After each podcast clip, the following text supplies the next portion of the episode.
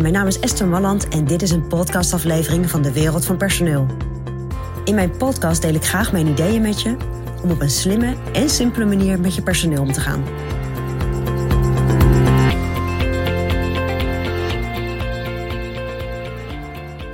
Ja, coaching. Ik vind het een heel mooi, heel mooi instrument om mensen verder te brengen binnen je bedrijf.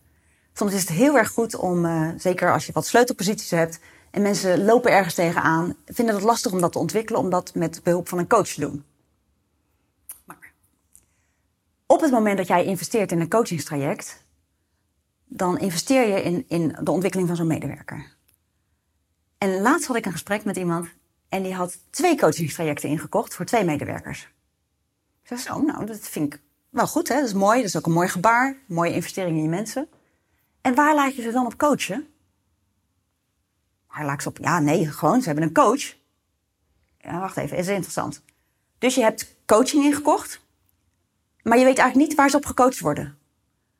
Nee, maar dat ze gaven aan dat ze daar behoefte aan hadden. Dus nou, dat vond ik dan ook een belangrijke. En dan denk ik, hé, hey, maar hier ondernemer, ga jij even de mist in. Want de gemiddelde ondernemer, die wil heel graag weten waar hij zijn geld in steekt. En dat moet je eigenlijk bij coaching ook doen. Dus als jij een coach inhuurt voor een van je mensen, zorg dan dat duidelijk is waar wordt die medewerker op gecoacht. Waar bouw je naartoe? Want anders worden het misschien gewoon gesprekken en gesprekken en gesprekken.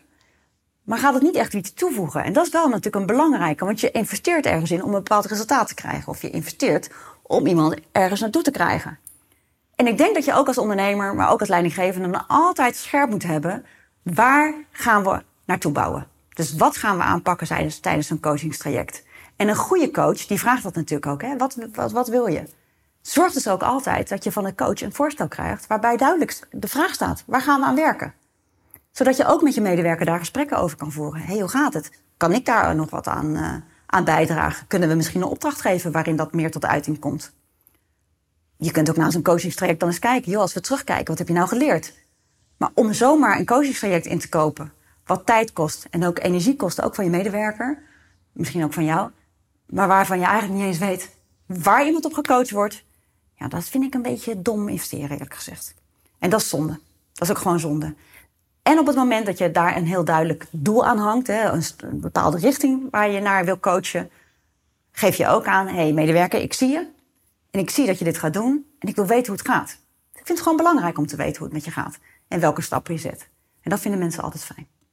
Dus mijn advies aan jou is op het moment dat je een coach inhuurt, zorg dat de vraag, de coachvraag, heel duidelijk wordt.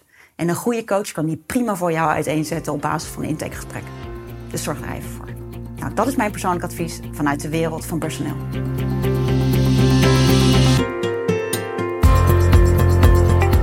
Wil je ontwikkelingen in de wereld van personeel blijven volgen?